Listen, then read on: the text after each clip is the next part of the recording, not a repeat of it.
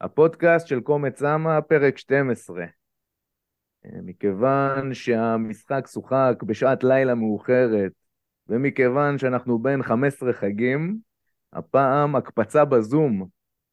אז uh, אנחנו לא באולפן הרגיל שלנו, אלא עושים את זה מהבית. ויקטור, מה שלומך שם בבית? שלומי מצוין, אני רק חייב uh, לחדד את זה שגם כשאנחנו בזום או באולפן, אנחנו עדיין מקליטים בזום, אז שום דבר לא השתנה, חוץ מזה שאנחנו לא אחד ליד השני. חוץ מזה שאתה בריבוע. שלום לריבוע בנתניה, אהלן יובל. גם ויקי ריבוע בנתניה, אבל אני פה עם, uh, עם תינוקת גם ליד, אז אם יש בכי וזה, אז לא, לא להתבאס. לא יהיה, לא יהיה. כן, הבת של יובל מחליפה בפאנל את רודי, שהלך לחגוג, שהלך לחגוג יום הולדת בצפון הרחוק.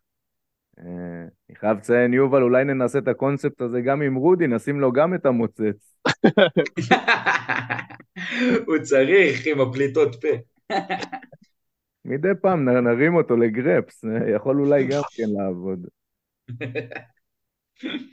אוקיי, חברים, מה שמחכה לנו הפרק זה קודם כל סיכום אה, יחסית מזורז של המשחק אתמול נגד אה, ברידאבליק בבית, וכמובן וכמובן אה, כל סיפור הדרבי שהיום מתפוצץ לנו עם, עם משיכת הכרטיסים של מכבי, נדון בזה עוד כמה דקות, ויותר מזה, יש לנו ספיישלון לדרבי, כמה איזה קטע מיוחד שהוקלט כבר מבעוד מועד. אה, אחרי המשחק נגד ריינה. ככה לא היינו בטוחים מתי, אה, מתי נתיישב פה בין אה, כל החגים והמשחקים, אז נתנו לכם איזה קטע שהוכן מראש, קצת משחקים נוסטלגיים, כל הסיפור עם בית הדין עוד לפני שהגענו ל... לישורת הזאת של אי משיכת הכרטיסים, ובכללי, תחושות לפני דרבי, אז אנחנו ממליצים מאוד להאזין גם לחלק הזה. ויאללה בוא נתחיל. ויקי, פתיח מהבית.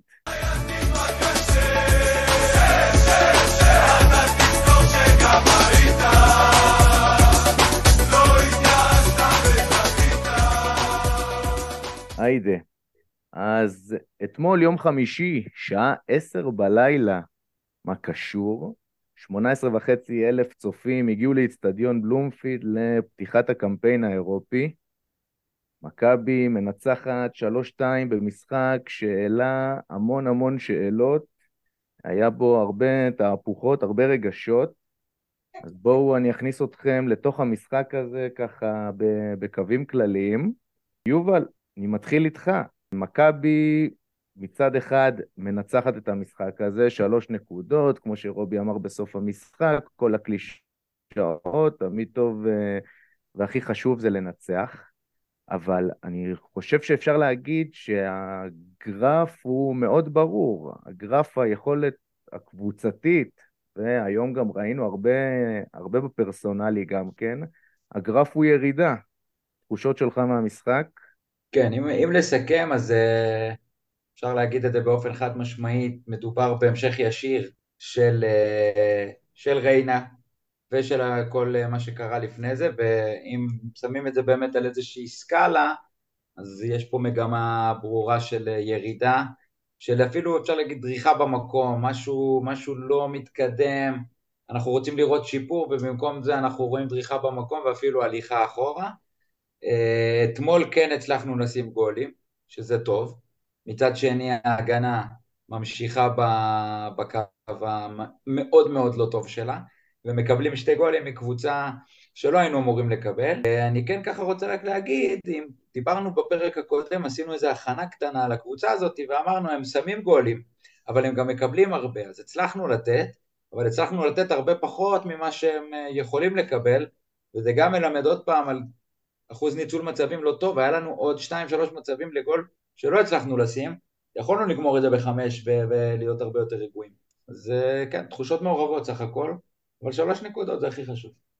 ויקי, אני, אני רוצה לשאול אותך, כשאני רואה רצף אה, משחקים כזה, שהחלקים, לפחות השליליים בכל משחק, הם מאוד חוזרים על עצמם.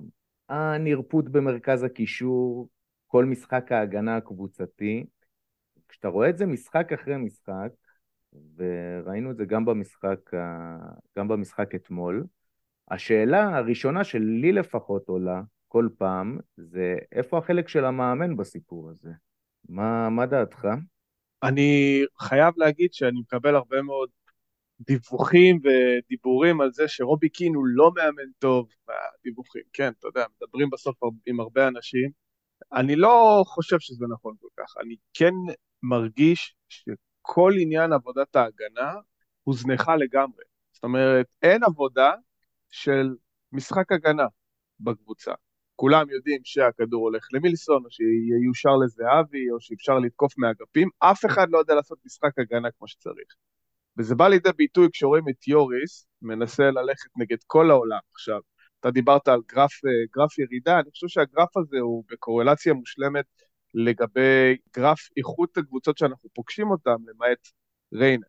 כי התחלנו עם כל מיני פטרוקובים ודברים כאלה, שאתה אומר לעצמך, טוב, זה יוריס מספיק.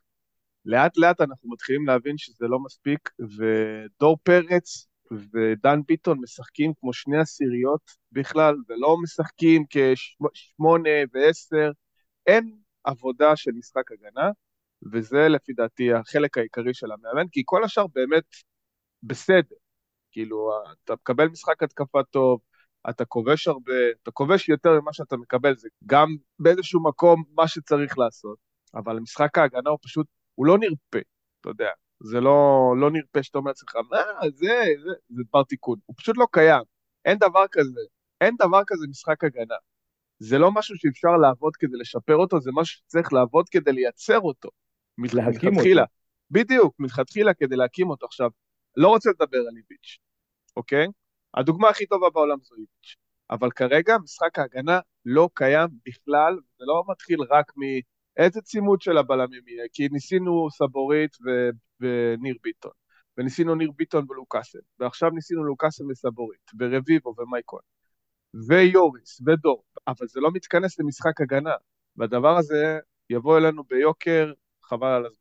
יובל, אני, אני רוצה לשאול אותך, שאנחנו מדברים כבר כמה פעמים על לנסות לייצב, או ויקי בכלל אומר עכשיו לא לייצב, להקים בכלל את כל מה שנקרא משחק ההגנה שלנו. אני אוטומטית העיניים שלי הולכות לכל סיפור מרכז המגרש. הרי המשחקים צועקים עלינו שמשהו צריך להשתנות שם, או בהצבה, או במבנה, או בשחקנים, אני לא יודע, ואנחנו רואים שם גרף שיפור של אפס. אמצע המגרש ההגנתי לא קיים. מה, מה אתה יכול להגיד לי על זה? שמע, עוד פעם, זה באמת המשך ישיר של אה, דברים שכבר דיברנו עליהם בפרק הקודם. ויקי אמר, אה, אמר את המילה קורלציה, ואמרתי, אה, כן, ברור, הוא הולך להגיד שמשחק ההגנה הוא בקורלציה מושלמת לירידה ביכולת של דור פרץ, ואז הוא אמר שזה קשור דווקא לאיכות היריבות. אני חושב שדור פרץ, אם אמרנו בתחילת העונה, הוא היה הברומטר וחשבנו על זה בקטע חיובי, אנחנו רואים שהוא הברומטר השלילי. ככל שהוא משחק פחות טוב, ככה המשחק שלנו נראה פחות טוב, גם התקפית וגם, ובעיקר הגנתית. ממה זה נובע? שאלה. כי יש כאלה שיגידו, הוא פשוט לא טוב, אז בואו נשים מישהו אחר במקומו ואולי זה יעבוד. יכול מאוד להיות שמשהו בהצבה הטקטית שם לא מאפשר אה, אה, לדור לעשות את העבודה כמו שצריך, אולי ההוראות שהוא מקבל לא נכונות, אני טיפה פחות אה, חושב שזה הסיפור. אבל בשורה התחתונה אנחנו רואים קבוצה שממש מחולקת לחמש שחקני הגנה וחמש שחקני התקפה, ויקי אמר זה כאילו שתי עשיריות, אבל זה שתי עשיריות שגם לא עושות הגנה. גם דן ביטון וגם דור פרץ לא מעורבים במשחק ההגנה בכלל, זה מייצר טקטית בעיות כל כך עמוקות שדורשות מבלמים לצאת לחפות, מיוריס לעשות עבודה של שלושה שהוא לא יכול לעשות, אה, ובעיקר לא נגד באמת יריבות יותר איכותיות, ומהמגנים ומהכל, ועכשיו גם זה לא שתגיד שהכנפיים שלנו, שחקני הגנה כאלה טובים שעוזרים, אז, אז אי אפשר, אי אפשר לנהל ככה משחק הגנה, אז כשאתה אומר אין משחק הגנה זה בדיוק זה, זה זה שלא קיים, לא קיימת הקונסטלציה שבה כל הקבוצה מגויסת להגנה. יש לנו כאילו חמישה שחקני הגנה וקשר אחורי, ובוא נתמודד עם זה, וזה לא יכול לעבוד, ואתה יודע מה, עם קבוצה אה, איסלנדית של שווי של שלוש מיליון יורו, עושה לנו טיקי טקה ושמה לנו גול כאילו כמו הגול של השלוש אחד, וואלה זה, זה, זה בעיה מאוד מאוד קשה שעוד תכה בנו שוב ושוב ואנחנו נחזור לדיון הזה שוב ושוב, זה, זה יהיה קשה מאוד, גם בליגה. עכשיו, זה מכה בנו, אם זה מפתיע אותנו, זאת אומרת, תוך כדי המשחק, נראה שהיכולת שלנו להגיב ולהתמודד עם זה, אמנם כן אפשר להגיד שאחרי, שאחרי השני שלהם, והיו קצת חילופים, ויוני נכנס ו... ואבישי כהן נכנס באגף. כן, לא יודע, ויקי, תגיד שהיה שם איזושהי התייצבות ב... באגף ימין, עדיין ראינו אותם אה, יורים את כל הכדורים שלהם ליתרון אה, באגף שמאל שלהם. אני לא מרגיש שהרוטציה שלנו במרכז הקישור יכולה לתת איזושהי מענה לסיפור הזה, כי...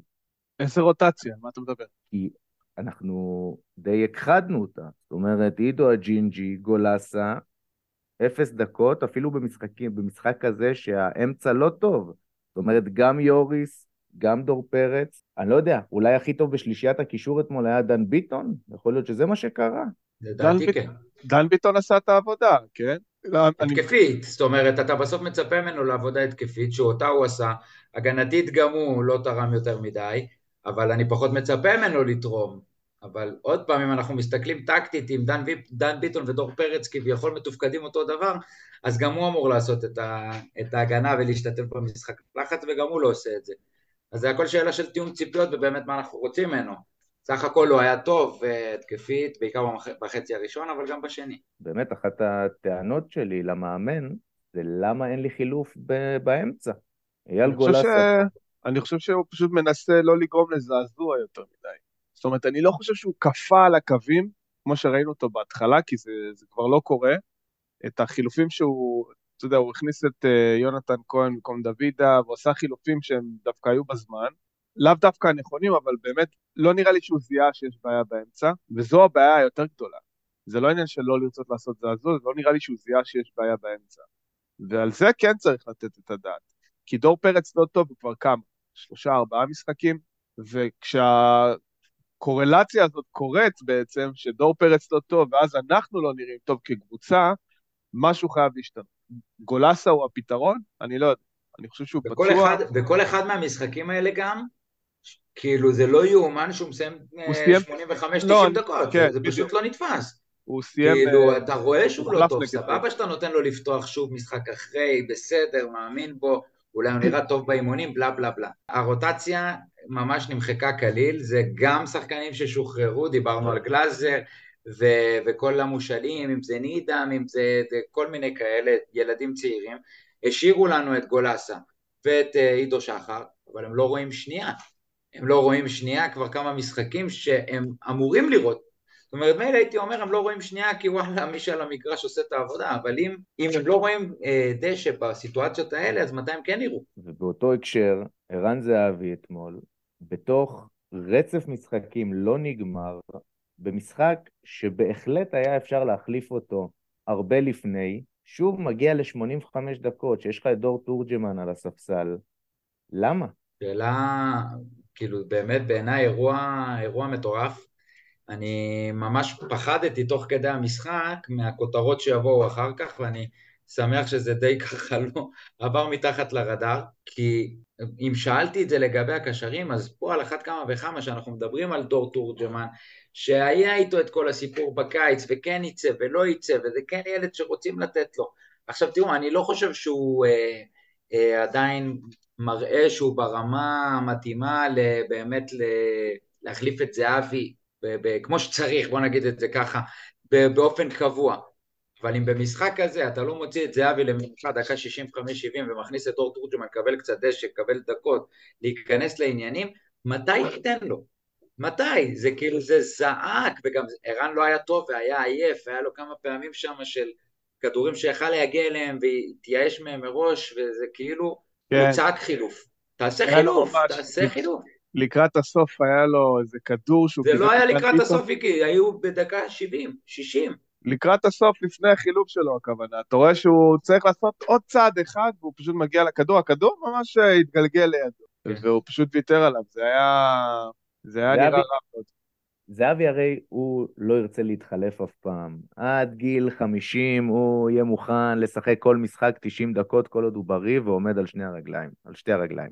תכפה את זה עליו. זה, אלה בדיוק הרגעים, אתה יודע, גם צריך באיזשהו מקום אה, גם קצת לנרמל את זה כזה. אתה יודע, אתה נותן לו עוד, עוד ועוד ועוד. לא, הוא לא יכול להחזיק יותר 90 דקות בקצב כזה, בטח שישה משחקים בכמה, בשלושה שבועות, עם טיסות, הוא חייב... אתה יודע מה, זה אפילו לא הדיון, ויקי, גם אם הוא יכול להחזיק, תכפה עליו לא להיות. והציפייה אה, שלנו מפיגורה בסדר גודל של רובי קין, זה שידע לעמוד מול זה ולהגיד, חבר, אתה בגיל 36 לא משחק 90 דקות כל פעם, יש פה ילד שצריך לקבל גם הוא את הדקות, הכל בסדר, כשאתה יוצא דקה 60-70 זה בסדר גמור. בקצב הזה דור תורג'מן לא יקבל דקות, לא יצליח להתפתח ואנחנו נאבד את הפרוספקט הזה ונורא נורא חבל. ועוד פעם אני אומר, אם זה משחק שזהבי חד וזה, בסדר. אז אולי דור תורג'מן גם אפשר להכניס אותו במקום אחר, בדקות יותר מאוחרות, או לא להכניס אותו בכלל. זה לא שאני אומר, הילד קדוש וחייב לשחק.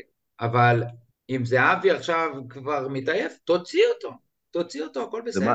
זה, משהו שהוא חייב להיות על הפרק. הוא לא, לא יכול להיות מולחם להרכב ל-90 דקות בקבוצה עם אלף מסגרות, שמשחקת כמות כזאת של משחקים. נכון, זה מה שאני אומר, בטח לא בתקופה הקרובה הזאת של שישה משחקים ב-21 יום. הרוטציה חייבת להיות בצורה כפויה, אין מה לעשות. לכולם, לא רק על ערן. ערן הוא כרגע הנושא... מעניין אותי מה דעתכם, אם, אם, אם היינו מסיימים את המחצית ב-3-0 ולא ב-3-1, הוא עושה חילופים במחצית לרוטציה? לא. זאת אומרת, יכול להיות שהסיטואציה טיפה הלחיצה אותו? לא.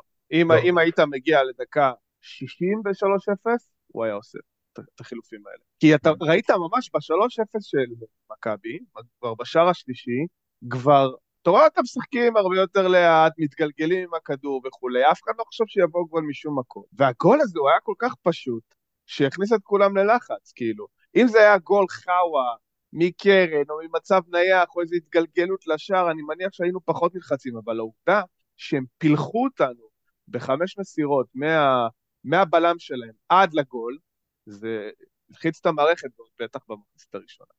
אז אני מאמין ש... שזה לא אחת הסיבות.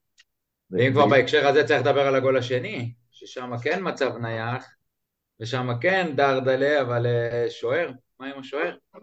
מה, זה שוער וזה, וזה כל הקבוצה, כי ראינו גם את ריינה בארבע קרנות ש, שהיה להם, היו ראשונים, גם אפילו דומה בפינה רחוקה כל פעם. ועוד אה, סיטואציה הגנתית שלמכבי אין תגובה אליה. כאילו, עסקים כרגיל בעצם, גם בקרן הזאת. לחלוטין, אתה יודע מה, ראינו אחרי, אתמול את התקציר, אחרי, אחרי המשחק, וכאילו, טוב, זה ברור שזה גול של שוער, באמת, יציאה מזעזעת של שוער אה, ברמת ילדים, אבל סבבה, עשה טעות, לא יצא טוב, פספס את הכדור. איך, איך הבחור שם נוגח כשמסביבו ארבעה שחקנים? למה זה נופל דווקא לא על הראש? איפה, איפה הטיפה אגרסיביות? איפה העלייה בגובה? איפה הניטור? כלום. עומדים ומסתכלים עליו ופשוט הוא נוגח פנימה. זה גול אה, מעצבן, מעצבן, מעצבן, וכן, זה גם מסתמן כעוד נקודת תורפה, שהיא המשך ישיר גם של העונות הקודמות, כי העונות היו בעוכרינו כבר אה, שנתיים. טוב, אני באמת אחרי, אחרי 20 דקות של אה, הצפת כל הבעיות מהמשחק הזה, שזה באמת התחושה הקצת מרה שיצאנו מהמשחק הזה כמו שהוא התפתח, אבל בואו ננסה בכל זאת לגעת גם בכמה נקודות טובות שראינו בעיקר במחצית הראשונה. ובראשם uh, שלושה שערים. אז בואו נתחיל ממסון, הלו, הלו הוא מייקון, שתופר את uh, שער השבוע, ויקי, אמרת לי? שער השבוע בקונפרנס ליג, ובצדק, שער מטורף. מסוג הגולים שאתה רואה שאיך שהשחקן ניגש את הכדור, אתה רואה את זה טס לשער, זה מה, מהזווית של 11, מהגולים היפים בעולם. איזה גול, ומה, יובל, הבחור התקפית הוא משולב, אין מה להגיד. ראינו אותו כל המחצית הראשונה מצטרף, קצת אה, הוחמץ לנו בגול שקיבלנו שם, גם בכיסוי שלו, גם של כל ההגנה. אבל אה, כמו כל הקבוצה, נראה שבכל מה שקשור להתקפה הוא דווקא איתנו. כן, לחלוטין. התקפית הוא באמת אה, הוא טוב. יש לו משחקים שפחות טובים, גם התקפית, אני מעריך אבל שזה כן קשור באמת להוראות uh, טקטיות, לפעמים הוא יותר עולה, לפעמים רביבו יותר עולה, שניהם ביחד בינתיים זה לא דבר, משהו שקורה באופן קבוע, לפחות לא קרה מאז טרנר שבאמת ראינו גלים גלים את המגנים שם עוזרים, אבל הגנתית סימן שאלה לחלוטין.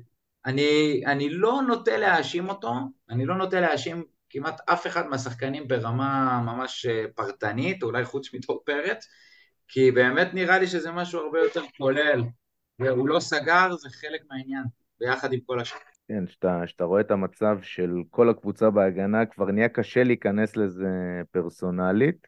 ויקי הגול השני, זהבי מקבל כדור מיוריס על הסיבוב, רגל שמאל, ככה קצת נכנס אה, בין השורות, אבל גול גדול של זהבי. גול גדול, ואני חייב לציין שהוא ניסה לעשות את זה עוד איזה אלפיים פעם עד סוף המשחק, בדיוק את כן. אותו גול. לנסות... להעיף כמה שמאליות. כן, עוד כמה שמאליות בסיבוב. תשמע, שחקן גדול, גול גדול. הדבר היחיד אה, שאני לוקח מכל השלושה שערים האלה, מילסון לא מעורב באף אחד מהם. זאת אומרת, התקפית, אנחנו עובדים, היינו, אמרנו, אה, בלי מילסון אנחנו לא שווים שום דבר, וזו עוד נקודה שצריך לדבר עליה. מילסון לא היה מעורב לא בשער ולא בבישול, אפילו לא במסירת מפתח, אוקיי? לא היה מעורב בשום דבר מהשערים האלה, וזה דבר שצריך גם uh, לשים לב אליו, כי אנחנו קבוצה נורא נורא התקפית. וכנראה שאם סוגרים לנו את מילסון עם דאבל אפ של שני שחקנים איסלנדים שגדולים עליו בארבע ראשים, ומצליחים לסגור אותו, אנחנו כן מצליחים לייצר שלושה שערים, אז זה גם נקודה טובה. אחלה גולים גם של ערן, גם של אה, מייקון, והגול השלישי שהיה אה, שנוי במחלוקת, מה שנקרא.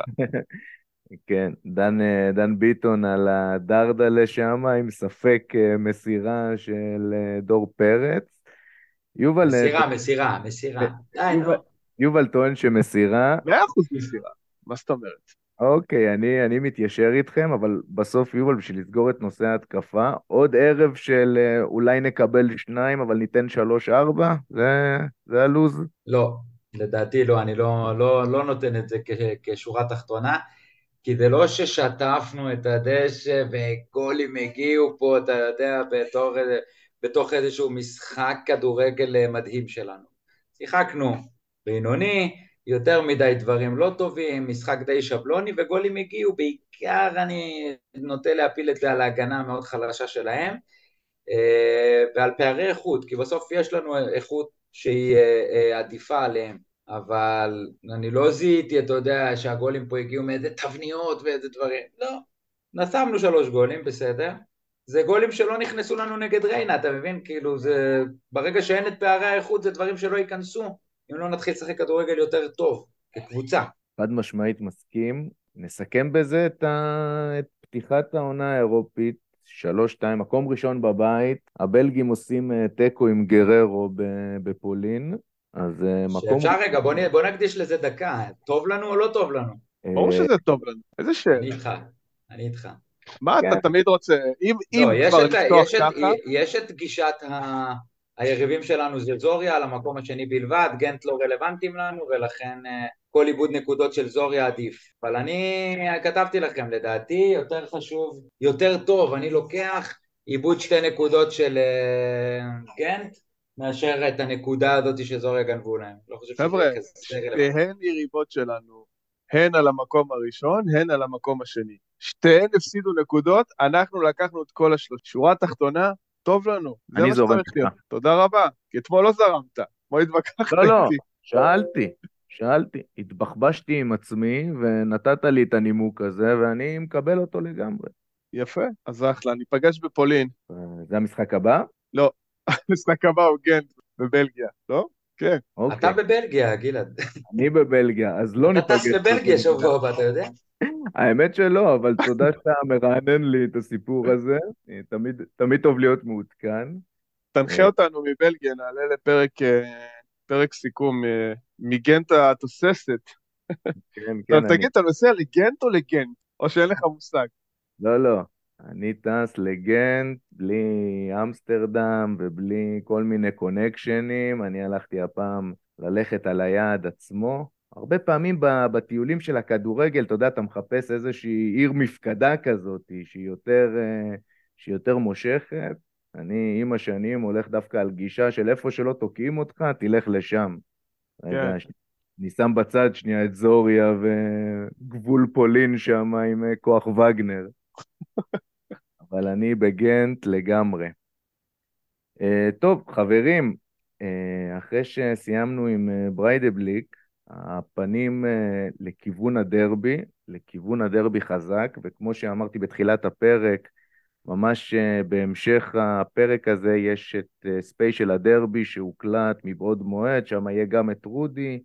נדבר כמובן גם על כל הסיפורים עם בית הדין, קצת אה, דרבי מהעבר, דרבים טובים, דרבים רעים, הרבה נוסטלגיה, אבל אה, עוד לפני זה, היום אנחנו מתבשרים שבעצם כל הטרלול הזה עם העונש של הפועל, שכפי שכולנו ידענו, הולך להיות בעיקר עונש שלנו, והיום זה מגיע לשיא, מכבי מודיעים שהם לא הולכים למשוך את הכרטיסים שלנו לשער 11 בדרבי הזה. כל האוהדים וכל הרשת, הכל אה, בטירוף כמובן. מצד אחד, אוהדים שיכולים להבין את ההחלטה של מכבי בצל כל הבלגן הזה והמערב המתוכנן הזה שעושים לנו בית הדין, וכנראה גם הפועל, שידעו בדיוק איך להוציא, איך להוציא מאיתנו את כל הטוב בסיטואציה הזאת. ומצד שני, הארגון ואנחנו כאוהדים משער 11 שלא יכולים לקבל דרבי בלי קהל, אז בואו תנסו להגיד לי איפה הסיפור הזה פוגש אתכם, יובל. שמע, זה באמת סיטואציה מורכבת מאוד, שיש לה המון המון המון ככה צדדים. אני מבין את מכבי, באמת, אני מבין את המהלך, אני חושב עדיין שזה סוג של מהלך של אה, תחזיקו אותי, וזה לא באמת הרצון של מכבי, ואני חושב שזה יותר סוג של הכנה כטיעון לבית הדין, אבל יכול להיות שהם כבר עלו על איזשהו עץ גבוה מדי עם כל המכתבים שהם שולחים, ואני חושב שהם ילכו עם זה עד הסוף. אם אתמול אמרתי הם לא ילכו עם זה עד הסוף, הם ימשכו, היום אני כבר מאמין שזה באמת יכול לקרות. ו... ואז זה כבר פוגש אותי כאוהד, גם כאוהד כדורגל, בטח כאוהד מכבי, כאחד שעוד רגע בספיישל דרבי יספר על, על חוויותיו הרבות מדרבים ועל זה שזה האירועים הכי חזקים שהיו לי, אז אני לא יכול לקבל את הדבר הזה. זאת אומרת, דרבי בלי קהל חוץ זה אירוע בעיניי חסר תקדים, זה אירוע הזוי, זה אירוע שאסור לנו לקבל אותו ולנרמל אותו בשום סיטואציה, גם לא בסיטואציה של אוהדי הפועל בשער שמונה, צריך לעשות את כל החציצות ואת כל זה על מנת שכן יהיה פה קהל, לדאוג לסידורי האבטחה ולהפיל את זה על האבטחה, אבל ברגע שינורמל הדבר הזה שאין קהל חוץ, זה יהפוך להיות פתרון. ופעם הבאה זה יהיה על כל איזה התראה הכי קטנה, ואחרי זה זה יהיה על, על, על נגד אבוקות ונגד לא יודע מה, וכל חרטא שהמשטרה או שר הספורט או מישהו יביא, אז יגידו, יתחילו לאיים, ואוקיי, אין קהל חוץ, ואתם התחלתם עם זה. אז זה אירוע שאני אני לא, לא יכול לקבל אותו כאוהד כדורגל. זה באמת בעיניי קטסטרופה. אז באמת, ויקי, הדבר, הדבר שמפחיד אותנו פה יותר מכל זה התקדימים שנוצרים פה.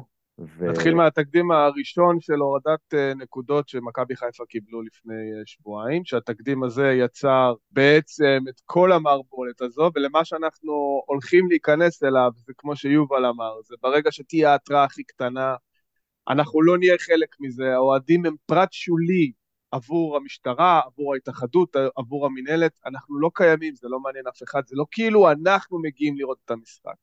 פעם הבאה שתבוא התראה כזו, בגלל שיש גוש עומד ביציאה, יגידו חבר'ה אנחנו לא מושכים כרטיסים, אין יותר קהל חוץ. זאת אומרת, היום זה היום הראשון של יציאה למלחמה נגד הדבר הזה. ואם אנחנו לא יכולים להילחם בזה כאוהדים, אז אנחנו נפסיד את זה.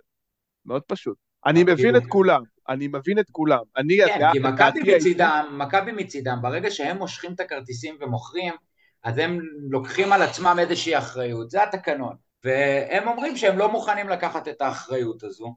וזה בסדר, אני מבין אותם. בין אם זה באמת בגלל איזשהו, איזושהי סכנה אמיתית לחיי אדם, מה שלא נראה לי. סכנה לחיי אדם, תקשיב, קרו מקרים בעבר של שיגורי רקטות משער 5 לשער 11, או משער 11 לשער 5, ושער 5 לתוך שער 5. הדברים האלה קרו. סיכון לחיי אדם יכול לקרות, בטח שאתה שם את אוהדי מכבי ב-10-11, או רק ב-11, ואת אוהדי אולטרס הפועל בשער 8. שכולנו יודעים מה, מה המרחק בין שער 10-11. ויקי, האם, האם יש פה איזשהו סיכון לחיי אדם באמת לא. ברמה שאתה יכול לא, להגיד, זה לא, יותר לא, מבדרך לא כלל? לא סיכון של חיי אדם, כאילו אנחנו בדרבי של זה יותר אה, ויסטה מתמיד, לא, נגד לא. אה, לגיה ורשה. אבל אתה שם פה סיטואציה שהיא גם, גם מישהו יכול להיפגע.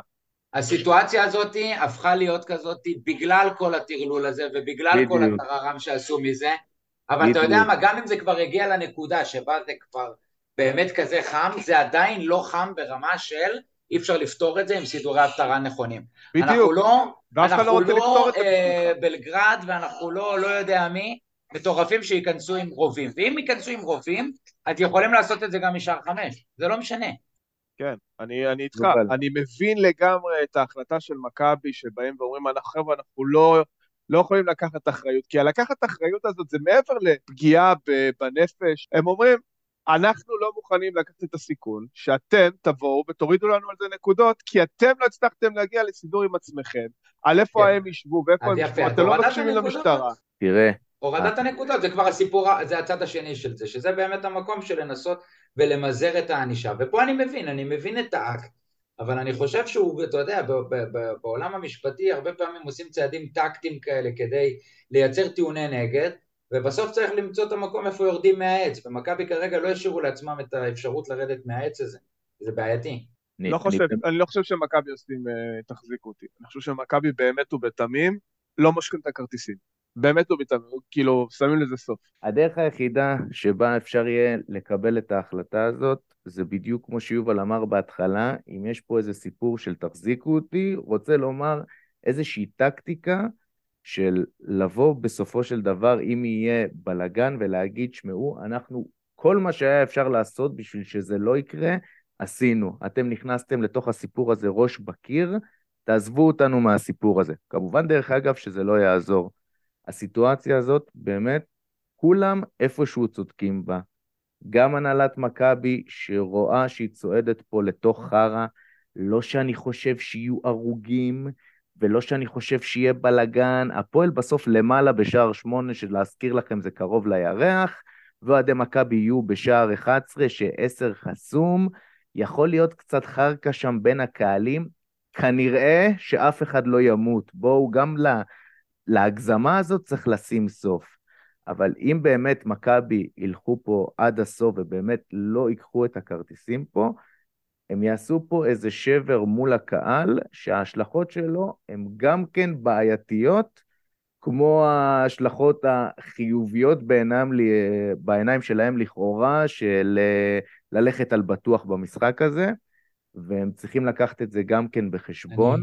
אני, אני אתקן אותך, ההשלכות השליליות לדעתי חמורות הרבה יותר, ולכן זה משהו שאני כאוהד לא, לא מוכן לקבל.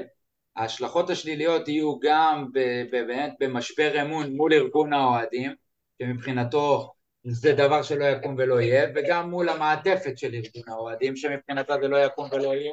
ו- וגם קצת מולנו, האנשים שבאמצע, גם אני בתור אוהד רגיל משער 11, וואלה זה צורם. וזה גם באמת ב- בכל התפיסה של מה שדיברנו, של התפיסה שאפשר לעשות משחקים בלי קהל חוץ, שהיא בעייתית כשלעצמה, גם אם אני לא מדבר עכשיו על זה שעלול להיות פה עכשיו איזשהו אה, חורבן אה, מול שער 11 שעלול אה, לחרב לנו את כל העונה הזאת. אבל עצם התקדים מסוכן מאוד מאוד, אנחנו לא, לא יכולים לצעוד במקומות האלה. בטח לא מכיווננו, בהחלטה שלנו כמועדון. ובשורה התחתונה, בסוף אנחנו מגיעים עוד פעם לסיפור הזה, שהפועל קיבלו עונש, והיחידים, היחידים שיפסידו ממנו בכל תרחיש, עם קהל, בלי קהל, לא משנה איך, זה רק אנחנו. וזה באמת עוד מופע מבית היוצר של אה, בית הדין של ההתאחדות. אז תגיד לי אתה עכשיו, גלעד, עם המשפט האחרון שסיימת, איך מכבי צריכים להתייחס לדבר הזה ברצינות? כי מכבי מקבלים בעצם על עצמם עונש שהושת על הפועל, מכבי תשלם את המחיר עם האוהדים שלה, פלוס זה יכול לעלות לה גם בהורדת נקודות ובאחריות על פגיעה בחיי אדם, כן, אני שם את זה רגע במרכאות. איך מכבי צריכה להתנהל? כ- כ- כמועדון, כארגון, כעסק. תחשוב על זה רגע. תנסה רגע לשים את עצמך ב... מכבי, מכבי היו צריכים להציף פה, כמו שהם עשו עד עכשיו, את כל הבעיות סביב הסיפור הזה, לשים את הזרקור על מה שהמשטרה ממליצים ועל כל השיח שנוצר מהסיפור הזה, לעשות את מה שהם עושים עכשיו עם הכרטיסים ולפוצץ את זה בתקשורת ולעשות את כל התחזיקו אותי, כמו שיובל אמר, סביב הסיפור הזה, ובסוף למשוך את הכרטיסים, כי פשוט אין ברירה. אין ברירה, אי אפשר לשחק דרבי בלי קהל, שלא יהיה דרבי. שלא יהיה דרבי, בדיוק. שלא יהיה דרבי, בדיוק, זה ממש ככה. ואני אגיד לכם אבל גם משהו מעבר לזה, אני חושב שבסופו של דבר סידורי האבטחה שנמצאו הם משהו שאפשר לחיות איתו. ולכן אני כאילו טיפה לא מבין את, ה, את ההגזמה שבמהלך הזה, כי מילא, אם היו אומרים לי, שמע, אני באמת כאילו, הם, הם צמודים אחד לשני ויכולים לרוץ אחד לשני עם חרבות, אבל בסוף, כמו אמרת גלעד, הם, הם בירח, אנחנו ב-11, בלי 13 ובלי 10, מה כבר יהיה? מה כל כך התסביך? קשה לי להבין. טוב, זה לעניין uh, סוגיית אי משיכת הכרטיסים של מכבי, אנחנו עדיין מקווים שעוד איכשהו ההחלטה הזאת תתהפך, לא שממש נשאר זמן, ולא שזה נראה שזה הולך לכיוון הזה. אני מאמין בכל... שכן, אני מאמין שייפטר. מה, באותו יום אולי כבר, וזהו. לא יודע, לא יודע, במוצאי שבת, מתישהו, הם, הם, לא יודע, לא, לא נראה לי שזה יגיע עד לשם. בסדר, נחכה ונראה. עד אז זה היה חלק הזום של אה, פרק 12. כפי שאמרנו, עכשיו זה ממשיך לספיישל דרבי שלנו, שהוקלט מראש ביחד עם רודי. וזה הכל, תבלו. יומיום אותה שעה, הגיע הזמן. חוזרים ללחם והחמאה שלנו, לליגה הישראלית. אנחנו מדברים על דרבי, אז זה כנראה חמאה וריבה הפעם. וואי וואי. בכל מקרה, ביום שלישי הקרוב, צאת כיפור, אצטדיון בלומפילד, אה, דרבי ראשון לעונה, ומי שגונב לנו את ההצגה בקדם הדרבי הזה הוא לא אחר מבית הדין של ההתאחדות, שידוע גם כסניף של משרד הפנים, לכל. מי שדרוש לו איזה אזרוח במחשכים, אם יש איזה... אתה רוצה לרשום את העובדת הזרה שלך כישראלית? פנה לסטאז'דו. האם עשית לייק, עשית לייק ליהודייה באינסטגרם? בוא אלינו, בוא יצטרף אלינו. אז באמת מבית היוצר הזה, מה שאנחנו מקבלים הפעם זה את העונש של הפועל על סגירת uh, שער חמש, שכמובן ייפול על הדרבי ויביא איתו עוד מפולת הרבה יותר גדולה מכל העונש הזה שלשם כך הוא נועד בעצם. כן. וזה פוגש אותנו בדרבי הזה בהמון כותרות כרטיסים, כל הבלגן שצפוי לנו שם בוא נתחיל יודע... מהבלגן, בוא נתחיל מהבלגן כי... מלחמת הארי פוטר שם כן. נראית אה, קרובה מתמיד תראה בוא, לפני שניגע בזה בעניין הקהל אנחנו צריכים לדבר על זה קודם כל מבאמת כמה גורמים שונים פה באו ואמרו חבר'ה זה סכנה, חבר'ה בואו תדחו את זה, תהיו רגע שקולים כי יש פה, אה, אה, עתיד להיות פה משהו מאוד מאוד מאוד אה, אה, דרמטי. ובית הדין של ההתאחדות מנסה לשחק אותה כאילו איזה עיוור ואנחנו אה, מקפידים ואנחנו נאכוף ו- ושכולם יקפצו. והדבר הזה עלול להביא באמת למצבים אה, חמורים. זה יכול להיות שם אסון ואו יכול להיות שם פשוט, סליחו לי על הזה, לכאורה כמובן, בדיוק מה שהם מחפשים, הם רוצים את התמונות של הבלגן, הם רוצים את האש, הם רוצים להוציא אותנו, החוליגנים והבבונים, אני חושב שזה ממש בכוונת מכוון, הם רוצים את זה. למה לכאורה? כי אני לא יודע, ואני לא רוצה להכניס אה, דברים, אני לא יודע מה בלב שלהם, אבל יש פה התעלמות כל כך גורפת מכל כך הרבה סימנים מוקדמים שבאים ואומרים להם את זה, גורמי אכיפה, משטרה, הנהלות, כולם באים ואומרים להם חבר'ה יהיה פה אסון והם לא מקשיבים.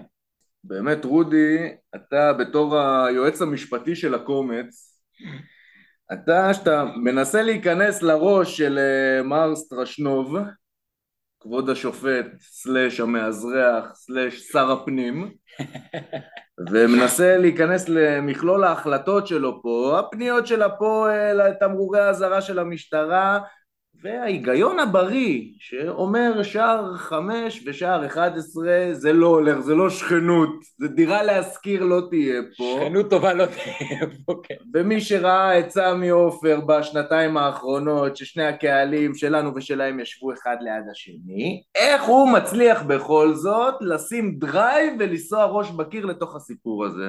אני, אני אגיד שאני לא חושב שזה אה, נגמר אצל אה, סטרשנוב או אצל בית הדין, אני חושב שזאת הרוח. הרוח היא להראות אוהדים אה, עבריינים, ואני מתחבר למה שיובל אמר, יכול להיות שזו המטרה המרכזית שלהם, שהדרבי הזה יהיה אש, בלגן, תהום, כדי להגיד אמרנו לכם. אחרת באמת אין הסבר לזה, ויקי פה האחראי על עניינים לא מעניינים, אני, ממה שאני זוכר, שנתיים אחורה, היו דחיות של עונשים אה, כאלה של סגירות יציאה או רדיוסים. אחריות כבדה על כתפיי. בטוח שהיה כזה דבר. לא אבל רגע, שנייה. אני אומר ככה, תראו, סוגרים את שער 4-5, למעשה הם מענישים את הפועל. בפועל את מי מענישים? מכבי. אותנו, למה? כי 4-5 ילכו לשבת בשער 8, אז גם לא מאחורי השער, גם לא אה, רשת, אנחנו נהיה מאחורי רשת, יצמצמו לנו את כמות הכרטיסים. עכשיו, אם בדרבי הזה יהיו, באמת, יהיה, יהיה קרב, יהיה, לא יודע מה, אבוקות אחד על השני, חפצים, לא יודע מה יהיה בגלל הקרבה של האוהדים. כמובן נניח מכיוון אחד, כי כן. אנחנו מכוסים ברשת. לא, אבל נגיד שהאבוקות עוברות הרשת יופי, אבל נגיד שיהיה, ונגיד שבית הדין ייתן החלטה של הפעלת, כאילו של, של עונש, הורדת נקודות, בלי על תנאי ובלי לא להפעיל את התנאי או להפעיל חלקי, ייתנו וייתנו בראש, נגיד שיורידו לשתי הקבוצות נקודות, במי זה באמת יפגע? בנו. זאת אומרת שהענישה של הפועל היא למעשה הענישה שלנו. אני לא מצליח להבין את ההתעלמות. שוב, אני זוכר שהיו מקרים כאלה, אם אני טועה אז ויקי יתקן אותי פה, אבל גם באמת באה המשטרה, אומרת לך זה, ומה ההחלטה יוצאת? אני דוחה את ההחלטה ואני מקווה שזאת פעם אחרונה שאני נדרש לזה. חבר'ה, זה מה שאני אומר כל הזמן, חלאס להסתכל על בית הדין כפוסק האחרון. החליט את מה שהחליט, תיקח משטרת ישראל שאומרת אני מזהירה בגלל שזה הולך להיות נפיץ, תיקח את זה, ביחד עם הקבוצות, שלבו ידיים, לכו לבית משפט אזרחי, ותגידו, ההחלטה הזאת היא החלטה לא סבירה בעליל, היא מסכנת חיים של אנשים שבאים ליהנות מספורט, מתרבות, ואנחנו לא יכולים לאפשר את זה. אתה יודע מה, רוצים בסוף להעניש את הפועל? אל תכניסו את 4-5, לא מעניין אותי. אבל אל תעמידו אותנו בסיכון כמו שהעמדתם אותנו בסמי עופר ואת כל מה שהיה לדבר הזה, ואז תענישו אותנו בגלל מה שיקרה בדרבי הזה, באמת, אה, זה המשך ישיר של רצף ההחלטות האלה של בית הדין, הכל נגדנו. שבאמת, לא ברור למה הם שונאים שם כדורגל כל כך, סטרשנוב, ניר רשף, כל האנשים... לא, זה גם מתחיל במשרד הספורט. הם שונאים לא כדורגל, הם שונאים אוהדי כדורגל. הם רוצים אוהדים שבאים, מתיישבים, צופים, מוחאים כפיים, הולכים הביתה. הם לא רוצים שום דבר אחר, לא פלא שהם מאשרים לנו אה, פירוטכניקה קרה ותותחי קונפטי. כן, אז ויקי, רודי נוגע בכל הסיפור הזה של אה, סכנה בין אנשים וכאילו כולנו בסוף איפשהו מקווים שאיכשהו נעבור את זה רק עם האירועים הרגילים וקצת, אה, וקצת עשן. אבל בכל זאת, אני בא אליך מהכיוון של הסיפור הזה שחיפה כבר סוחבים פה מינוס אחד על כאילו דברים שברקע, למרות שהם יש להם את, ה, את ההזיות שלהם, הם עוד איכשהו מרגישים אה, מקופחים פה בכל הסיפור הזה. חוצפנים. מטורפים. אז כמובן שהמינוס אחד הזה, כמו שכל אוהד מכבי בר דעת ידע להגיד שזה בעצם ההכנה לקראת הפטיש, שזה רק עניין של זמן שיבוא עלינו, והנה, עוד לא, לא עובר שבוע מהמינוס אחד הזה, ואנחנו מקבלים דרבי עם שכנות עם שער חמש וכל החפלה הזאת, אז בעצם למה אני מוכן פה? מה שרודי אמר מקודם זה שהמשטרה מזהירה ובית הדין לא מקשיב, וזה פשוט נראה כמו תבשיל אחד שלם שנע לכיוון בית הדין של ההתאחדות. אתם אומרים, אנחנו רוצים להוכיח משהו. אמבוש. בדיוק. זה אמבוש. ורק מערב. והמשטרה באה ואומרת, תקשיבו, זה לא טוב וזה, והם, ההתאחדות מדליקים את עצמם, כן, כן, זה לא טוב. זה טוב לנו שזה לא טוב, אנחנו רוצים להוכיח משהו, אנחנו רוצים להוכיח שאנחנו יכולים לעשות ולהחמיר וכולי. מה שקרה עם חיפה זה אסון, זה אסון ספורטיבי, תכלס, ההורדת נקודה הזאת זה אסון. זה כרגע מייצר איזשהו מצב, בנצ'מרק כזה, איזשהו סף, שבו אנחנו, בו ההתאחדות יכולים להוריד נקודות למי שהם חפצים בכך. זאת אומרת, ברגע שמכבי יבואו, לא מוכנים, בום, להם נקודות, היי, אבל הורדנו לחיפה. היי, אבל הורדנו לחיפה, ועכשיו זה בדיוק העניין הזה שהיה להם את התנאי על שתיים, למה לא הורדתם להם שתי נקודות?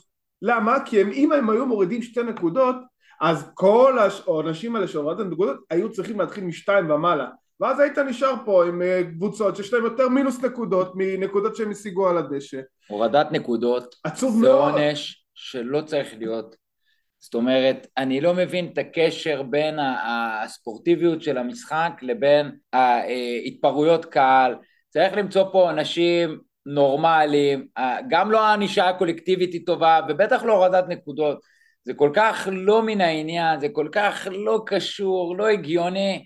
אני אומר את זה גם על העונש שהם קיבלו, ובטח על העונשים העתידיים שאנחנו נקבל ונקבל, כי בסופו של דבר, אותנו מרשיעים הרבה יותר, אנחנו עומדים הרבה יותר במקומות האלה, יודעים טוב טוב לבוא עלינו, וזאת רק הכנה, זאת אומרת, אנחנו יודעים שזה יגיע.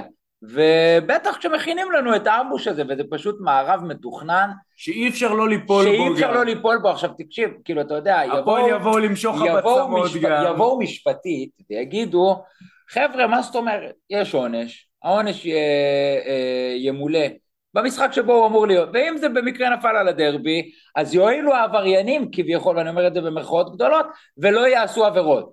אבל זה לשים כיסוי עיניים ולהגיד, אני מתעלם מכל הנסיבות ומכל הדברים, זה כמו אה, להכניס אה, אה, כנופיה לכלא שיש בו כנופיה אחרת ולהגיד אתם לא תריבו מכות, אני לא אעביר אתכם כאלה כי פה אתם רשומים. אה, צריך טיפה שיקול דעת, טיפה להבין שיש פה דברים שהם מעבר ואי אפשר לא ליפול בזה.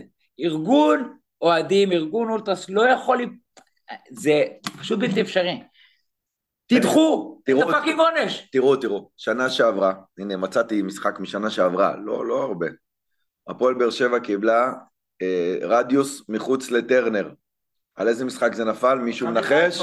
משחק האליפות של מכבי חיפה. מה הודיע באר שבע? אני משחקת באשדוד. כן, נכון. ואז אני נותנת למכבי חיפה 600 כרטיסים. כן. מה קרה להחלטה הזאת? דחו אותם והם שיחקו בטרם. לא היה דיבור שידחו אותה לעונה הבאה, קרי לעונה הזו, ומה בסוף קרה? טוב, בסדר, צחקו בטרנר, רק היציע הדרומי סגור. חיפה קיבלה את ה-1500-2000 כרטיסים שלה לטרנר, והמשחק התקיים בטרנר. יכול להיות שאם הפועל הייתה משחקת עכשיו נגד חיפה, העונש הזה כן היה נדחה. אין אחד שמאזין למה שאתה אומר עכשיו, ולא אומר, במאה אחוז זה היה קורה. נכון. עכשיו אני אומר את זה ככה, ברור לי שמחכים לרגע שאת הפטיש ינחיתו עלינו, או על הפועל, אבל עלינו ינחיתו אותו על משמעותי. גם על מכבי וגם על הפועל, אבל עליהם זה לא מעניין. בדיוק. ועלינו זה מעניין. עכשיו, שלוש זה, נקודות. אמרת שצריך להעביר מהעולם את הענישה הזאת של הורדת נקודות. כן. חבר'ה, זה מתחיל ונגמר בקבוצות. הקבוצות ישבו וניסחו תקנון, והתקנון הזה משמש את בית הדין לעשות בנו שפטים, נקודה. בנו כקהל ובנו כ- כקבוצות, כלא יודע מה, כ- בכלל כארגון. צריך לתקן את התקנון הנוראי הזה. אני מניח שבית הדין מבין שהקבוצות לא באות חשבון או לא מעמידות את המתפרעים לדין, אז הוא מחפש מה, איפה אפשר לפגוע בהם, אז להוריד נקודות לקבוצות.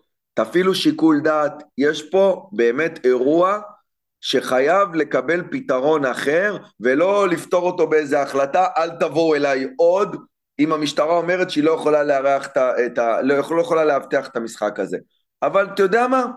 יכול להיות שצריך אירוע כזה, אז קוסומו רגע נקודות בצד, שיקרה פה משהו גדול, לא, לא, לא, לא, לא. ואז מישהו שם יקבל החלטה. אני לא לא יודע. לא יודע. אני לא רוצה אסונות, אני לא רוצה... לא, לא אסונות בנפש, אבל שמישהו יסתכל על זה לא ויגיד, יכלנו. למנוע את זה. לא זה יכול להיגמר גם באסון בנפש. תראה, רקט, רקטות ירו כבר מ-5 ל-11 ומ-11 ל-5, שמונה לאחד זה הרבה יותר קרוב. ברור, הרבה יותר קרוב. בסדר. אני מסכים, אבל מישהו שם צריך להתעורר, מישהו במגדל שן המאוד זה לא רחוק הזה, יעזור. צריך תראה להתעורר. מה קרה עכשיו סביב המשחק הזה וזה לא עזר לאף אחד להתעורר. זה מה שהם רוצים. זה מה שהם מחפשים אני להוכיח. בטוח זאת שזה התחושה. וכל רוצים. הסרטונים האלה גם של, של משרד התרבות והספורט לצייר את האוהדים כאיזה עבריינים כל זה, הכל זה נהיה מתוכלל אה, למקום אחד חד משמעית. זה- זה- ובתוך כל זה בואו לא נשכח את הפגיעה גם ב- באווירה ובכיף בסופו של דבר וזה אתה יודע זה אני- לדעתי מה שהוליד את, אה, את התחייה אז בבאר שבע חיפה לא לפגוע באווירה הספורטים האלה אז ברור. גם פה בלומפילד במקום להיות מלא ב-30 אלף יהיה בו גג 20 אלף כי כל החציצות וכל החיתוך כרטיסים פלוס 4-5 סגור יהיה אווירה באסה. מתה, אווירה באסה, שמה שהדבר היחיד שיוליד אווירה זה באמת היריבויות בין, אה, בין מחנות האוהדים, שכנראה יולידו גם התפרעויות ודברים כאלה. רק מישהו מנותק מוציא החלטה כזאת, נקודה. בדיוק פלוס אנחנו עם 2,300 כרטיסים במקום 5,000, ולך תריב עכשיו על כמו כרטיס שאמרתי, שאין לו ניקוד. מי שמו- מי שנענש בפועל זה מכבי. כמו בכל הסיפורים עם הפועל והגיצים, והולך עד לדרבי של פואד שפוצץ שם ולא כן. קיבלנו נקודות וכל הסיפור הזה, כל הפרובוקציות מתחילות מהפועל, ומי שאוכל את החרא האמיתי זה אנחנו. חד משמעית. לאורך, הזרקת כדורים בדרבי כן, האחרון. כן, לאורך כן, זה כל מטרתם השנים. בחיים, יימח שמם. לאורך זה כל מטרתם. השנים, ועכשיו בשם עונש שלהם אתה עוד יותר נותן להם מה הם- במה על מה הם קיבלו. בכלל את הסגירת יציאה? חסר... מאיפה אני מה. יודע מה הם עשו שנה שעברה? הדליקו מיליארד אבוקות שנה שעברה, מה? שיורידו להם נקודות. ארורים. תמיד הייתי בעד הורדת. טוב, אה, חברים, שנייה רגע, עם כל הכבוד אה, לבית הדין וכל השיט הזה שבאמת מעסיק אותנו, בואו בכל זאת תכניסו אותי קצת לאווירה, יש דרבי בעיר, יימח שמם של... תשע שנים, תשע שנים, יא בני זונות. בדיוק ככה. אז באמת, את הדיון הזה בואו ננסה דווקא להתחיל מהמעמד של הדרבי בעצם, ב... לפחות בעשור האחרון, כמה ימים זה יוצא שמאז... וואו, אה, כמה ימים, אחי. אז כמה ימים זה יוצא, ויקי, מאז שהפועל ניצחו דרבי? יש איזה user בטוויטר שסופר כמה ימים, כל אוהדי הפועל כבר מחכים לו בפינה, אבל אני לא יודע בדיוק, זה מעל 3,400 ימים, משהו כזה. מטורף. הרבה מאוד. כמה כלבים נולדו ומתו בימים האלה? הרבה, הרבה מאוד, הרבה. פלוגות שלמות של עוקץ, כבר לא יודע. אז באמת ברוח הדברים האלה אני רוצה לשאול אתכם, כי ברור לכולנו שאתה היום מגיע לדרבי לא באותו מצב שהגעת אליו אי שם בשנים הקשות יותר, חד משמעית. ובכל זאת שאתה כן מקבל את הפועל הפנים, וראינו את זה בגמר גביע, ראינו את זה בדרבי של שנה שעברה שכמעט התפספס לנו שם באחד אחד, בסוף אתה כן משתגע. אז בוא תנסה למקם לי יובל כרגע איפה הדרבי הזה הנוכחי פוגש אותך במנעד הרגשות של לפני דרבי, אותי, אותי אישית, אותך לא אישית. אותנו כקהל. אותך. תראה, אותי אישית, ואני אגיד את זה ואני אומר את זה בפה מלא, דרבי בשבילי זה, אה, זה לא עוד משחק, אני לא אגיד שזה עוד משחק, כי כן יש פה את הקהל ויש את האווירה ויש את האש, אבל מקצועית לא מרגש אותי. בעיניי הפועל תל אביב זה לא קבוצה שמאיימת עליי או על ההגמוניה שלי באיזושהי צורה. קבוצה תחתית שאני לא, זה כבר לא הדרבי שתמיד הכל יכול לקרות, בוא לא. מבחינתי לא לנצח דרבי זה היום כמו לא לנצח את ריינה. זה יכול לקרות, אבל אני לא רוצה שדברים כאלה יקרו. זה עם כל הכבוד. אז רודי בוא תנסה אתה למקם את זה, כי בסוף כל מה שיציף מחדש את כל הסיפור הזה של דרבי זה כנראה שלא יגיע לעולם, זה איזשהו הפסד בדרבי שיבוא. אני לא בטוח, גלעד, זה לא רק הפסד אחד. זה מה שיציף מחדש דרבי, זה שהפועל תל אביב תחזור להיות קבוצה רלוונטית בכדורגל הישראלי. היא לא. זה מה שיציף את הכל, אבל אתה צריך לתת במה למה זה דרבי בשביל אוהדי מכבי, ואתה רואה... לא, אבל, אבל תשמע, תזכור את הדרבי שנה שעברה, שבאמת יצאנו ממנו די בנס. בנס. בדרבי הזה, ואני זוכר אוהדי הפועל מחוץ למגרש, מתוסכלים מוות, והייתה שם איזו אישה ארורה שאמרה, אם את זה לא ניצחנו, מתי ננצח? עכשיו, תשמע, אין מה לעשות, בסוף, כאילו, זה יקרה לצערנו הרב. אני, אני אומר, דרבי זה דרבי זה דרבי כל הזמן. נכון שזה הרבה יותר אה, קשוח כשאם הפועל רצה איתך, או שהפועל גם קבוצה, אבל אה, זה עדיין לא כמו ריינה, זה גם לא... מקצועית. לא, לא, לא מקצועית. גם מקצועית, כי אתה הפועל מגיעה לדרבי, אה, בניגוד אלינו בשנים הפחות טובות, שהפועל מגיעה לדרבי, הם מגיעים כאילו, הם באים, גם אם לא לנצח, הם באים לשבור, הם באים לרוץ, הם באים באטרף. אני לא רוצה... אני חייב, אני, אני אגיד... אני מגיע למשחקים האלה, אני... תראה, אה, דרבי, דרבי, הוא תמיד יהיה בו איזשהו משהו אקסטרה, ולצורך העניין, כשחיפה היו לא טובים, משחקים נגדם באמת היו, לא הזיזו לי. ובאר שבע כשהם לא טובים, המשחקים נגדם לא הזיזו לי, אבל כשחיפה טובים, אז המשחקים נגדם הרבה יותר חשובים מאשר דרבי, לצורך לא, העניין. אבל אם עשית... וכנ"ל באר שבע. אבל כשעשית את ההשוואה של חיפה לא טובים, שהם יריבים משמעותיים שלך לאורך כל ההיסטוריה, כשחיפה לא לא. טובים, זה לא מזיז. נכון. כשהפועל לא טובים, זה עדיין מזיז. זה עדיין שם, אבל זה לא מרגיש לי כמו משחק גדול. אין, אין, לא יעזור. לא יודע, ב- לא שם. בדרבי תמיד לנו, בשנים האחרונות, יש מה להפסיד. נכון. וזה זה משהו שאני אני רוצה לספור, אני רוצה לספור, נכון, זה, שלוש, זה אותן שלוש נקודות, אני רוצה להמשיך לספור כלבים מתים, ולא ניצחונות של הפועל אה, לגמרי. לא, לא, לימים הקשים אף אחד לא רוצה לחזור. לא, גם לא לתת להם אחד, לא רוצה, לא רוצה לתת להם שם, לא, לא רוצה מחריד. שהם ינצחו אחד אפילו. דיון מחריד. שמע, ויקי, באמת רוצה לשאול אותך, בטראומה, עזוב אותי. כמה אתה מושקע רגשית בעניין הזה של הרצף? וואו, וואו, וואו. הרצף, זו הסיבה היחידה ש... שאני עוקב אחרי כדורגל. באמת. זה חתיכת נכס. וואי וואי, זה, זה ממש קשה. זה ממש קשה. אני לא רוצה להרחיב במילים, אבל הרצף הזה הוא... אל ת- אה, בוא בוא בוא נעזוב את הרצף. בוא, בוא, בוא נעזוב את. הרצף שלא יבוא בוא, עלינו. בוא ת- ת- תביא אותנו ל- ל- לשחורות של פעם. אז טוב שאתה מכניס אותי, כי אני באמת ברוח הזאת שקצת אה, להתכונן לדרבים, כן. ולדרבי הזה ספציפית. אני רוצה לקחת אתכם קצת אחורה, בסוף הקומץ הזה הוא רץ איפשהו משנת 2006-2007. כן. ב-2006-2007 עוד ראינו דרבי ניצחון, ראינו קצת אחרי זה, ואז נכנסנו ללופ הנוראי של השנים המחורבנות, חזרנו בחזרה, ואתם יודעים מתי, מ-4-0 ועד אה, ימינו אנו עם עצירה קטנה, ברקס קטן- קטן. קטנטנה באמצע. ברח הקלאץ'. אז בוא ויקי, בשביל uh, להכניס אותי אולי קצת לאווירה נוסטלגית, בוא, בוא תן לי משהו, משהו מפעם, דרבי שחור אחד שלך ודרבי שהולך איתך דווקא בחיובי. אז דרבי שחור שלי, למרות שכולם כבר בטח אה, בוהק להם ה-4-2, זה גם שחור, אבל מבחינתי הדרבי השחור שאני בוחר לנכון לדבר עליו, זה ה-3-1 האחרון, הדרבי האחרון בעצם שהפועל ניצחו. מכבי מגיעים לבלומפילד, משחק חוץ, אם אני לא טועה. משחק חוץ, על אליפות, כשאנחנו יודעים שבאר שבע הפסידו לסכנין, יודעים כן, תנצח שבאר שבע תנצח ואתה אלוף. תנצח ואתה אלוף, וזה בדיוק מתחבר למה שרודי אומר, שהפועל איפה ישבו האולטרה של הפועל? גם בשער שמונה. מה עשו? מה עשו? זרקו סוכריות כמו בבר מצווה, מעזרת נשים מלמעלה. לא, לא.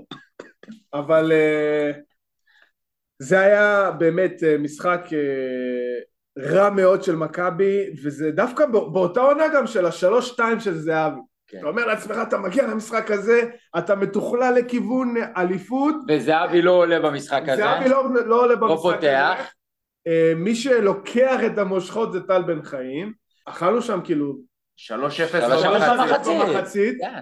עם החטאת פנדל של טל בן חיים גם, אה, ב- ואז זהבי עולה במחצית, נותן את השלוש אחד. וזהו, זה- כאילו. זה באמת היה משחק נורא ואיום, אתה אומר, אני, לדעתי, המשחק הזה לא התקיים. אני רגע, ניתן רגע סבב שחורות ואחרי זה סבב שמח? כל או- אחד רוצה לתת את ההשחרה. בוא ניתן את ההשחרה, כי אני חייב... כי אני יאללה, חייב- בוא נשחיל, כי אני. חייב להגיב לזה, כי כאילו, זה באמת דרבי באס הרצח, אבל בוא אח שלי, היינו שם, בואכה אליפות שנייה ברצף, שנים נהדרות, היינו אחרי עונה אירופית משוגעת, להביא לי את הדרבי הזה ולהגיד לי זה שחור, זה שחור? כן, אתה יודע, זה זלזול ב- באינטליגנציה של, של שומעינו האדוקים. אני מתייחס, אה, אתה יודע, לימים שבהם דרבי באמת היה עבורנו דרבי, כי זה היה הכל. כי זה היה שנים שבהם סיימנו את העונה, קרה לנו עוד משהו. סיימנו את העונה במחזור 2, 3, 5, ומשם כל מה שנשאר לנו בחיים כאוהדים זה דרבי. וגביע. וגביע, נכון. ו- ו- ולא היה גביעים גם, כי היינו מפסידים גם לעכואים ושמשונים. אז אני מדבר, אתה יודע, על רצף שם של איזה עשר שנים כאלה, מ-2002 עד 12-13, שבתוכם כמובן הארבע שנים שהיו ממש קשות, כי גם את הדרבי לא הצלחנו להביא, והפועל היו חזקים ורצו עלינו חזק. אז הדרבי השחור שלי זה הדרבי בעיניי השחור בהיסטוריה. אני חושב שיש ויכוח קל, אולי עם השלוש אחד שם, עם בלילי בעונת האליפות של 2002. אני מדבר כמובן על ה-4-2, בעונת 2009-2010, הדרבי. השני. הפנדל של בוזגלו. עכשיו, מה היה. שם? היה בדיוק זה שאמרנו אולי כן יש לנו בית, היינו אחרי ריצה של שבע ניצחונות רצוף, מחזור לפני אנחנו מנצחים 4-1 את הפועל רמת גן, אני לא אשכח את זה. והגענו לדרבי הזה בתחושה של באמת אנחנו סוגרים, זה היה כמעט שנתיים בלי ניצחון, אנחנו הולכים לסגור את הרצף הזה, אנחנו לוקחים אותם ואנחנו רצים גם לאליפות. הייתה תחושה שאנחנו יכולים לעשות את זה. והגענו ובאמת הייתה אווירה בחוץ של שיגעונות, ואנחנו נכנסים ומקבלים 3-0 בחצי שעה, אחר כך עושים 3-1, אבל אני ב-3-0 הזה כבר מחוק. אני בשלוש, אני לא זוכר כבר, ישבנו שער 13. שער 13 ישבנו ביחד עם השחקן ה-12, זיכרונו לברכה. אני ב-3-0 כבר אה, בקושי זוכר, שמנו את ה-3-1, ואז בוזגלו החטיא את הפנדל, וזה המשחק היחיד שאחרי הגול הרביעי, אני יצאתי מהאיצטדיון. לא, לא, יכולתי. לפני לא- הנעל או אחרי הנעל? אחרי הנעל כנראה, זה וזה. ברביעי, ברגע שנכנס ה-4-1, אני את ה-4-2 לא ראיתי. אני עד היום לא יודע איך הוא היה. ה-4-1 יצאתי, והלכתי פשוט, אני לא אשכח את זה, נשכב על המכסה מנוע של האוטו ולא מסוגל לזוז. מת. זה היה היום הכי קשה שלי בכדורגל עד זנית. ממש ככה. תודה מוטי. רבה, תודה רבה. תודה רבה לשחורות, חבר'ה, בואו אני... תזכרו שהיה פה קשה פעם. אה, מי כן. ששומע את הפרק הזה בפקקים, לא לא להיתקע בקירות. עכשיו, לא לא דודי, בתוך- תשחיר אותנו. מה, אי אפשר להשחיר יותר מזה. אני זוכר את ה-4-2, אני זוכר... לא, מה, הוא הוציא פה טאקי... אה, כן. אני זוכר את שרון צועק לי באוזן, אני זוכר את הנעל עף על הדשא, באמת, אין, אין יותר שחור מזה. אני רוצה לתת את הדרבי השחור שלי, זה היה דרבי תקווה שהתפוצץ לי בפרצוף. זה היה דרבי ב-2011, הפועל מובילה 1-0 כרגיל, בלם זר נוגח אה, אה, גול דקה ארבע. כמה בלמים זרים. כן, כן, כל בלם זר שם דחף לנו גול בנגיחה מתישהו בין דקה אפס לדקה חמש. וגם לא זר, גם ישראלים. כן, כן, כל אחד, כל אחד שם נגח לנו גולים. היה להם כזה ריבוע קבוע שביברס מרים עשה- זר, כן, ומישהו נותן לנו גול. 1-0 ואז קולאוטי נכנס, לקראת הסוף, ככה רבע שעה האחרונה דופק מהפך. 2-1, אני כבר רואה את הניצחון, רואה, וזה גם איזה רצף של איזה שלוש. שלוש, ארבע שנים שאנחנו לא מנצחים. שנים, שלוש שנים. אני אומר, די, זהו, שברנו את זה, שברנו את זה, שברנו את זה, וזה גם, זה גם כאילו היה, מה סוף וואו, העונה? וואו, וואו, וואו. ואז דקה הזה, כמו 91, חץ, חץ בלב, בן סער הנבלה, חץ זה בלב. עולה ונוגח לנו שער בן כלב 2-2, לא, חץ. באמת, דרבי ירייה בלב, ירייה. חרא על הפנים שלנו. אני זוכר שאחרי הגול השני של קולאוטי, אני הייתי ראינו, פשוט, ראינו הייתי את זה. קפיץ, הייתי קפיץ ברמה של, ואני כל מה שצעקתי, לא הצלחתי לעודד לו כלום, רק צעקתי, אם גם את זה אתם מצליחים לא לנצח, אני- אני- אני- זהו, אתם מתים. זה פשוט, וזה היה לי כל כך ברור שזה יגיע, וכשזה הגיע זה היה ירייה, שוטגן במוח, אחי. זה היה, וואו. אני- איך עם חץ בלב עסקינה. תרשו לי לסגור את מעגל ההשחרות. כן. אז קודם כל, אם נשארו עדיין מאזינים, כל הכבוד. כנראה שאתם מאותם האנשים שסבלו איתנו בשנים שסבלו האלה. איתנו. ואם יש לנו מאזינים אה, צעירים שחיו על דרבים ניצחונות, תדעו שהקומץ הזה נולד ונבנה בשנים חרא, בשחורות. מה זה חרא, ואני רוצה לקחת אתכם לעונת 2007-2008, שם הפסדנו דרבי 3-1 נוראי בצורה שלא ניתנת לתיאור, זה מתחיל מאיזה וולה פל של טלקיסקי שמרים את החיבורים מתחת לשער 11. איזה וואו, וואו, זה וואו. גול מטורף. עד היום. המזוזה שם עפה, אחי. תקשיב, זה גול. מטורף, זה אחד הגולים היפים שראיתי במגרשים. לצערי הרב היה נגדנו, זה גול מטורף. צד לצד, ואז הוא פשוט הדביק פצצה. קצה הרחבה בפל של החיבור הרחוק. וואו, וואו. רק. לירן שטראובר יכול לאכול כאלה כן, גולים. כן, זה כן. היה שטראובר? כן, בטח. זה ברור לי שכן, לא, אולי אה, אחד לא הזרים, שטראובר, יבריץ'. יבריץ'. מחשימנו איך רק... יכול להיות? רק שטראובר אוכל גולים כאלה מדהימים. לא, לא, גם יבריץ'. ומי לא סוגר שם? תן את כל הסיפור, אחי. כן, מי שהיה בשער 11 שמע אותי, בטח החבר'ה שלנו, צועק מסיקה שם על הסגירה של... מי. הקצה?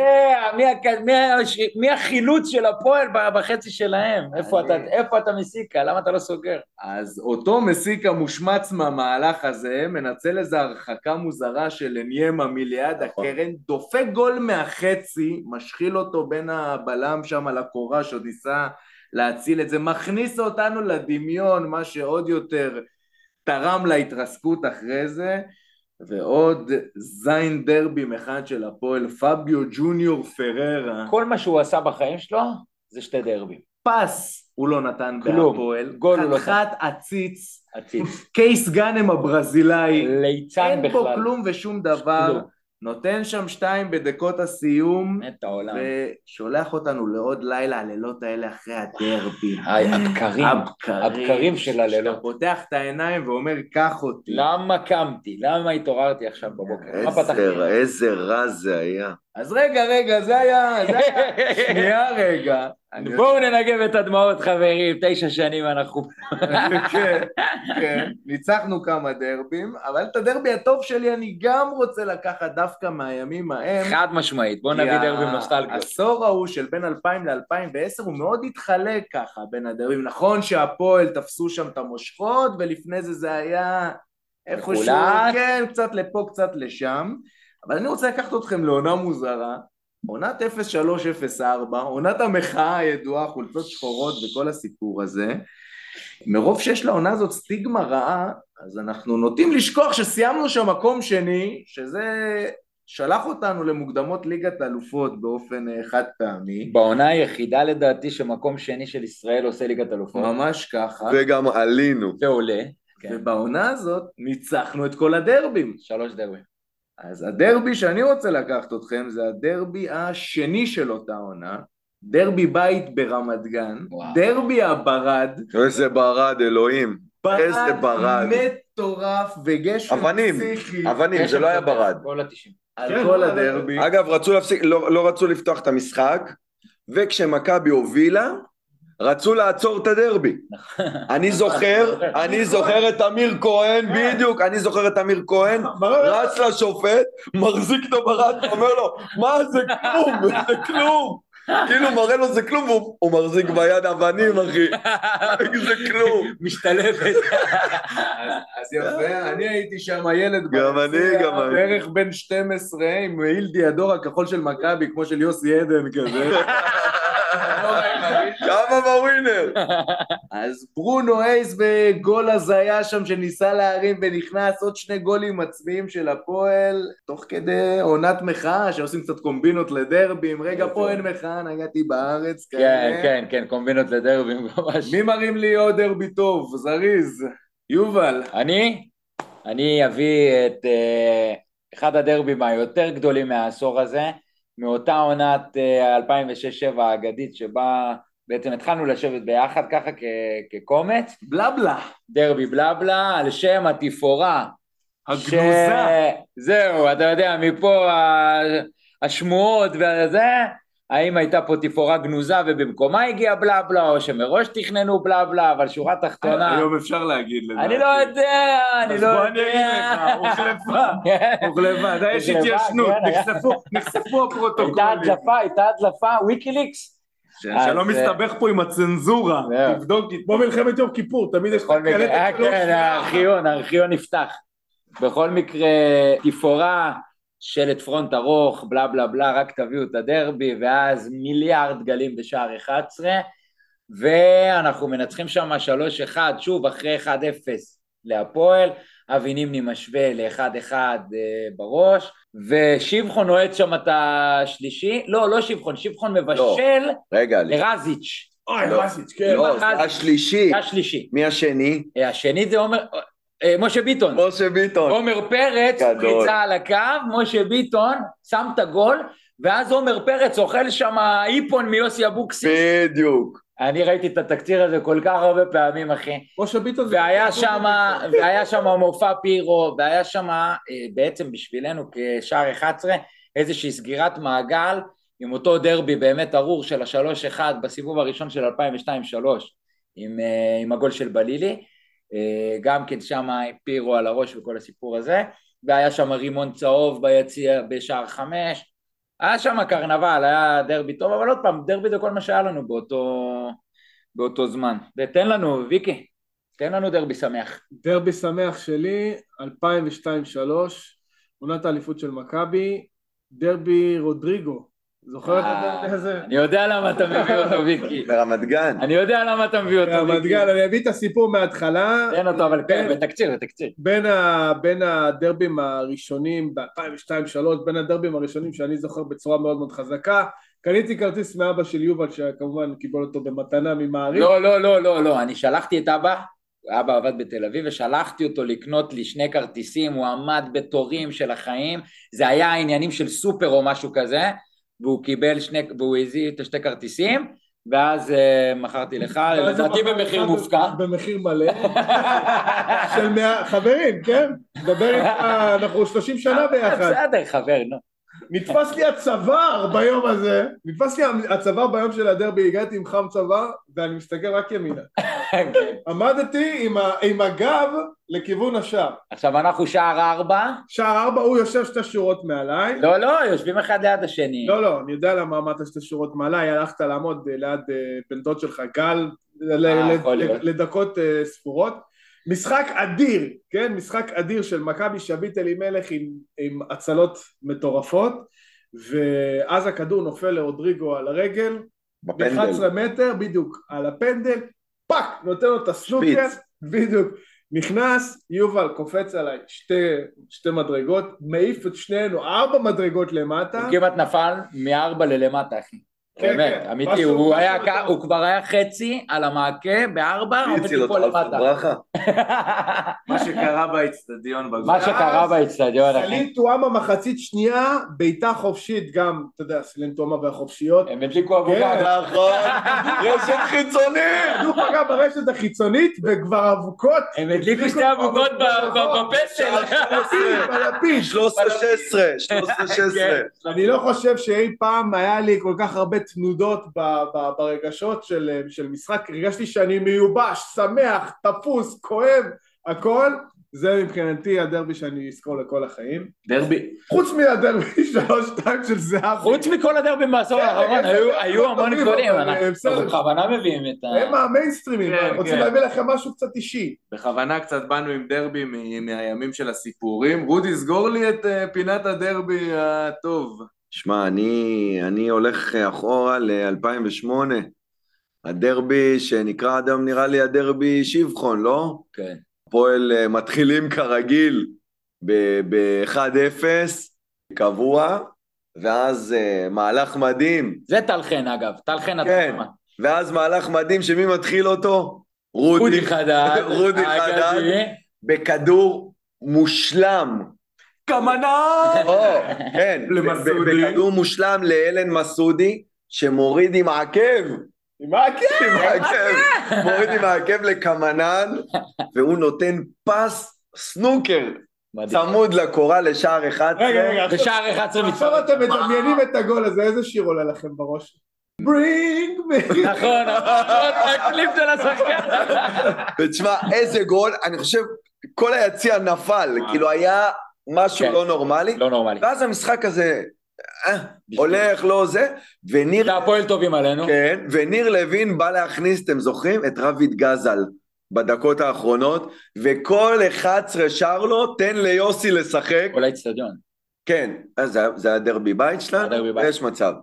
תן ליוסי לשחק, הוא מקשיב, מעלה את יוסי שבחון, פאול על, ה, על הספסל, מה שנקרא, דן רומן מרים לשבחון, גול, וואו, אני רואה ניצחון בדרבי, הרבה זמן, נראה לי הרבה זמן אז לא לא, ראינו לא, לא. לא, זה היה...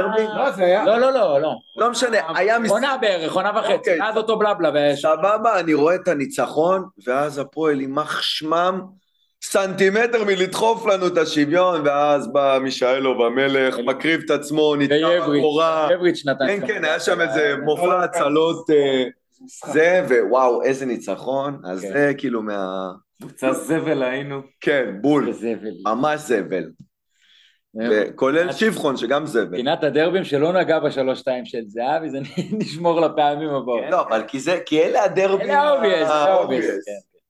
זהבי זה נראה לי פרק נפרד. פרק special, כן. שם נספר איך פוזי לא קנה כרטיס והרגענו- לו את זה בדקה ה-90. כל אחד יספר מה קרה לו בחמש דקות אחרי הגול, מה הוא ראה, איפה, איזה איזה אשליות עברו לו בראש. אה, תשמע, קמתי בשער 13. אני לא יודע איפה הייתי. לא. טוב, טוב, בסדר, בוא, בוא.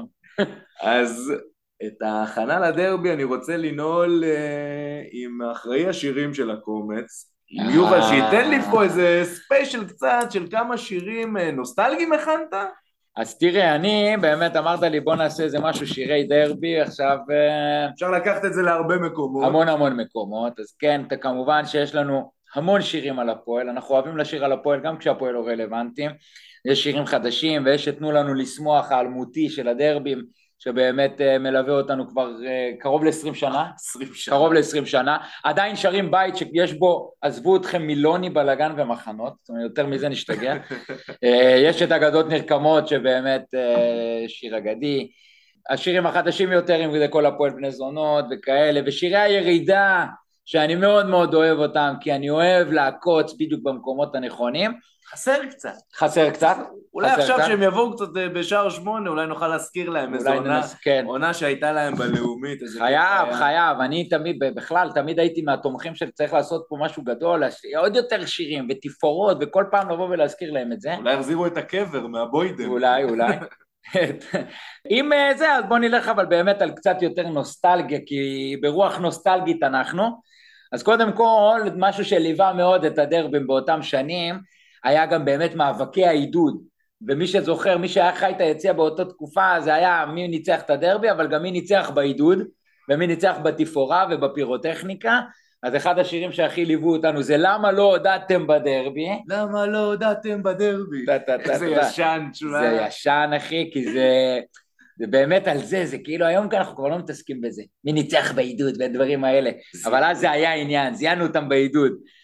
אה, אז למה לא הודעתם בדרבי? וכמובן, משהו שמלווה אותנו כבר אה, מאז שנות ה-90, 80, 70, אה, יגידו לי על זה, זה ניצחון בדרבי צריך להיחתם באוה, מה קרה, הפועל אכלה אותה. נוהל של- שאיבדנו. איבדנו קצת, ולכן אני רוצה להחזיר דחוף. אותו, לכן אני רוצה להחזיר, ובאמת זה משהו שככה כיף, כיף לסיים דרבי עם השירים האלה של פעם, של, ה, של החפלה ושל הזה, ואם אני מביא ככה שני שירים שבאמת היו על תחילת שנות האלפיים, בשיא המאבקים של הקהלים, בשיא המאבקים של המועדונים גם, אז בין ערים ובין סלעים טסה הרכבת ומכל הגרמנים, תאומים דורסת. שימו לב, המילים המקוריות הן מכל הגרמנים, מי היום הגרמנים, אנחנו אולי נחשבים, אבל אה, אה, מכל הגרמנים את תאומים דורסת, והבית הגנוז, רגע, זה שונה למכל האדומים? מכל האדומים.